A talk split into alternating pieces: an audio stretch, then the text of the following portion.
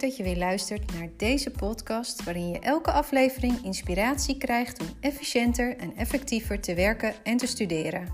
Dit is jouw persoonlijke podcast toolkit vol met handige tools. Hallo? Heb ik je aandacht? Het is zo frustrerend als iets niet lukt. Dan word ik zo boos. Hoe is het eigenlijk met jouw emotieregulatie en volgehouden aandacht gesteld? In mijn vorige podcast gaf ik al aan dat je om goed te kunnen plannen over 11 executieve vaardigheden moet beschikken. Ik heb toen de basisvaardigheden reactie-inhibitie en werkgeheugen toegelicht. In deze podcast vertel ik je meer over emotieregulatie en volgehouden aandacht. Als we eerst nu eens inzoomen op emotieregulatie. Emoties zijn er altijd en ze zijn er eigenlijk om je te helpen. Je kunt het zien als alarmbellen in je hoofd die jou vertellen wat belangrijk voor je is.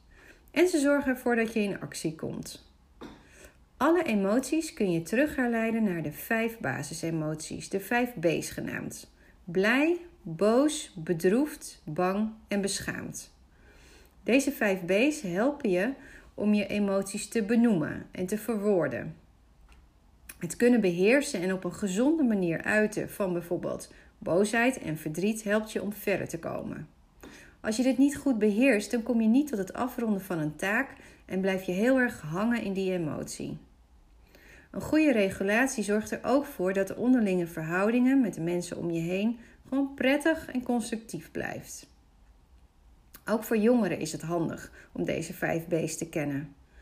Jongeren hebben vaak last van heftige emoties. En als ze hun emoties goed kunnen reguleren, durven ze fouten te maken. En gaan ze door als iets moeilijk is of als ze iets niet meer weten, bijvoorbeeld tijdens een toets. In het boek van Wouter de Jong, Superkrachten voor je hoofd, wordt het op een leuke manier beschreven met opdrachten erbij. Als ouder moet je ook aan de bak. Ik heb zelf de Dylan Hagens editie hiervan en dat vinden vooral jongens erg leuk. Je maakt het jezelf dus een stuk makkelijker als je met je emoties om kunt gaan en rustig kunt blijven nadenken als de situatie daarom vraagt. Frustratie en boosheid, maar ook verdriet kunnen ervoor zorgen dat je je doelen niet haalt als je deze emoties niet naast je neer kunt leggen. Niet de gebeurtenissen zorgen er per slot van rekening voor hoe jij je voelt, maar de manier waarop jij er naar kijkt en hoe je ermee omgaat. Nou, dat klinkt natuurlijk allemaal leuk, maar ja, hoe kun je nou je emotieregulatie verbeteren? Nou, op internet zijn hier verschillende methoden voor te vinden en een daarvan is het gebruik maken van het 5G-model. Het 5G-model komt eigenlijk overeen met het RED-model. Misschien ken je dat wel vanuit de praktijk, vanuit je werk. Uh, wat doet het eigenlijk? Het brengt je gedachten, gevoelens en gedrag in kaart, waardoor je patronen en niet-functioneel gedrag bij jezelf kunt ontdekken.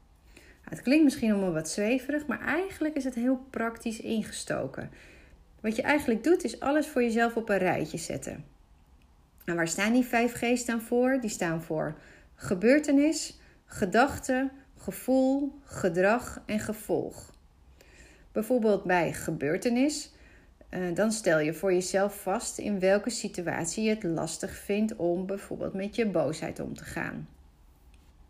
Nou, vervolgens kijk je naar wat denk ik dan? Je gedachten.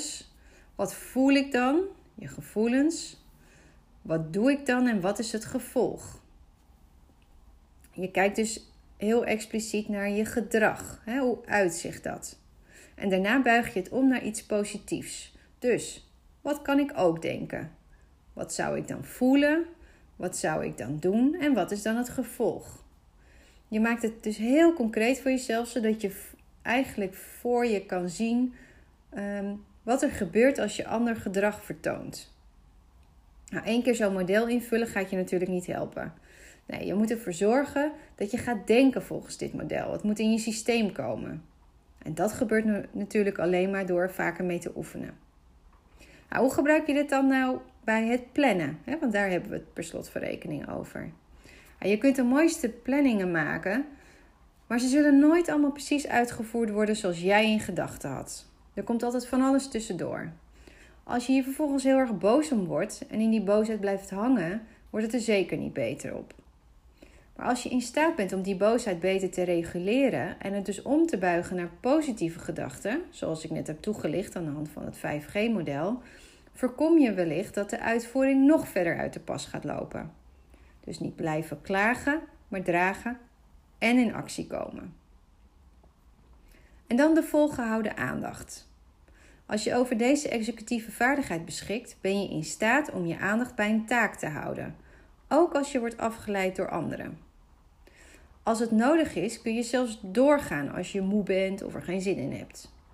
Dit is ontzettend lastig als je met iets bezig bent wat je helemaal niet leuk vindt of iets dat moeilijk is. Maar ook deze vaardigheid kun je verbeteren.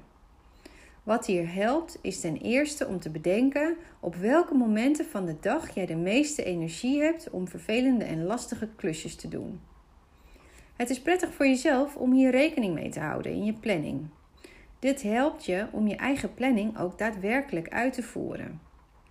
Hetzelfde geldt voor de plek waar je aan de slag gaat. Nu we veel meer thuiswerken, staat iedereen voor een enorme uitdaging. Dus bedenk goed welke plek voor jou het beste werkt. En het kan ook heel goed zo zijn dat dit per taak of per moment verschillend is. Doe daar niet ingewikkeld over. Het is wat het is. En dan zit je er helemaal klaar voor. Hoe zorg je nu dat je ongestoord aan het werk gaat? Nou, Mark Tichelaar heeft hier meerdere boeken over geschreven, maar onder andere uh, zijn laatste boek, dat is Focus aan uit. En ook ja, zie je op social media uh, zie je best wel veel artikelen hierover voorbij komen, omdat iedereen daarmee worstelt. Er zijn veel technieken, veel meningen, maar waar het op neerkomt is dat je uiteindelijk gewoon voor jezelf moet uitproberen wat voor jou het beste werkt. Wat voor mij het beste eh, werkt in elk geval, is dat ik alle notificaties op mijn telefoon uitzet. Tenminste, die, die staan eigenlijk altijd al uh, uit, maar als dat niet zo is, dan moet je dat doen. En ik pas de Pomodoro-techniek toe. Nou, ik leg deze techniek uitgebreid uit in mijn eerste podcast, maar waar het kort gezegd op neerkomt, is dat je een korte tijd ongestoord werkt en vervolgens een paar minuten echt pauze houdt. Dat doe je zo vijf keer achter elkaar en dan neem je een wat langere pauze. Nou, heb je nou echt heel veel moeite om te focussen, dan kun je je aandacht trainen door het bijvoorbeeld steeds met vijf minuten op te voeren. Steeds vijf minuten langer achter elkaar werken. En ook hier moet je dus rekening mee houden in je planning. Want als je hier rekening mee houdt, dan zorg je ervoor dat je een planning maakt die voor jou goed werkt, zodat je je planning ook echt goed uitvoert. En vergeet vooral ook niet om jezelf te belonen als het is gelukt. Ook dit is weer een extra motivatie. Nou goed, ik weet niet hoe lang het, of ik weet niet hoe goed het met jouw uh, aandacht uh, is gesteld. Dus of je die er heel lang bij kan houden. Dus ik zal de podcast kort houden. In de volgende podcast komen er weer twee vaardigheden aan bod. Veel succes en tot dan.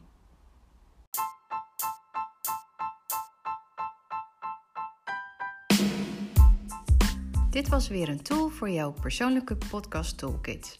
Dankjewel voor het luisteren. Vond je dit een nuttige podcast? Deel hem dan graag met anderen. Wil je meer tools? Abonneer je dan op deze podcast zodat je als eerste op de hoogte bent als er weer een nieuwe aflevering klaar staat. Tot de volgende keer.